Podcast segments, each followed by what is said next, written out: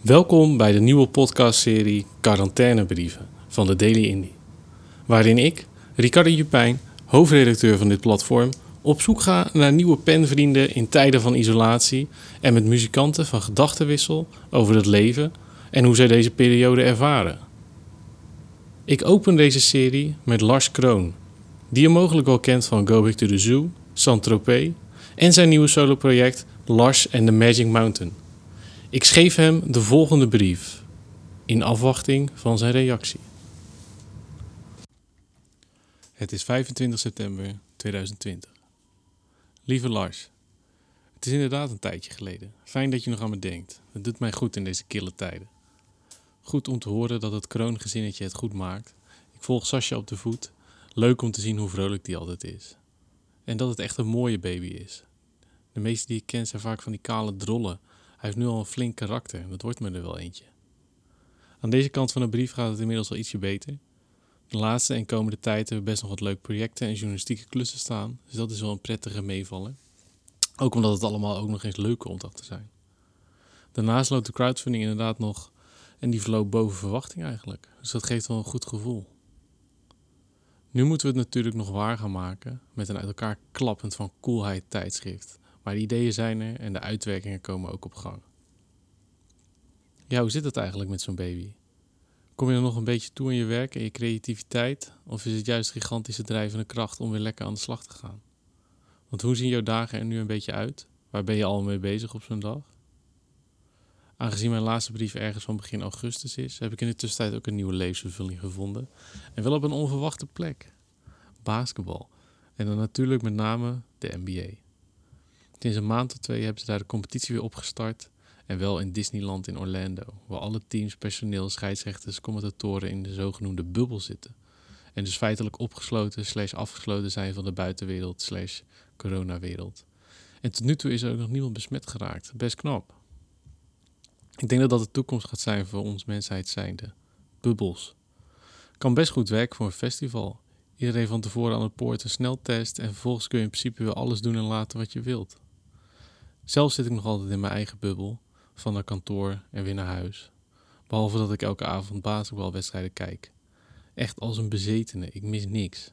Ik vind alles geweldig. De sport, de muziek, spelers, de logo's, de roddels, de commentatoren, de statistieken die ze eindeloos over je heen storten. Sterke statement dat ze innemen tegen racisme, de shirtjes, de vormgeving en zelfs de reclames tussendoor. Het is allemaal zo ongelooflijk Amerikaans, groots en larger than life. Heerlijk. Het zijn allemaal supersterren met waanzinnige atletische krachten en alles aan ze is gewoon onwijs cool. Het is de definitie van cool. En het is echt een cultuur, culture, een wereld waar je in kunt duiken. En, nou moet het niet gekker worden, ik ben zelfs zelf gaan basketballen. Dagelijks sta ik op het veld een balletje te gooien. En ik vind het echt heerlijk om even naar buiten te gaan en eventjes het hoofd leeg te maken. Het is haast een soort vorm van therapie. Even is er niets anders dan de basket en de bal. Dribbelen, schieten, missen, raken en altijd er nog eentje willen maken voordat je naar huis gaat. Het grappige is, als je er dan op gaat letten, dan zie je ook ineens overal basketballende mensen en figuren die er ook mee bezig zijn. Op het veldje bij mij is het ook vaak best druk. Soms moet je nog mazzel hebben om een plekje te hebben. Daar sta ik dan tussen allemaal van die kids van 15. Laatst vroegen ze ook: Meneer, ik, ja, zij, wilt u een partijtje spelen met ons? Uiteraard werd ik helemaal gek gedribbeld, maar ik kon nog wel een beetje meekomen, gelukkig. Het is ook echt leuk om te doen, goed voor de gezondheid en ik heb zelfs het gevoel dat ik een beetje langer ben geworden de laatste tijd. Zo ontdek je nog eens wat. Op je 32e. En ik ben trouwens voor Miami Heat, mocht je jezelf afvragen. Spannend van je release volgende week. Heb je al een beetje een goed plan hoe je het aan wil gaan pakken? Muziek uitbrengen in deze tijden is wel echt nog moeilijker dan het altijd al was. Althans, het uitbrengen gaat nog wel, maar een beetje luisteraars krijgen. Het is absurd hoeveel muziek er elke week nog verschijnt. Het lijkt wel meer dan ooit. Wat betreft de release show, ik heb allerlei klussen die dagen en ik ga het niet redden. Ik durf het bijna niet te schrijven, maar het is gewoon niet anders. De leven. Om niet met zo'n domper af te sluiten, zal ik nog even laten weten wat ik aan het lezen ben op het moment. En wel de oerverhalen Ilias en Odyssee van Homerus. Even andere koek.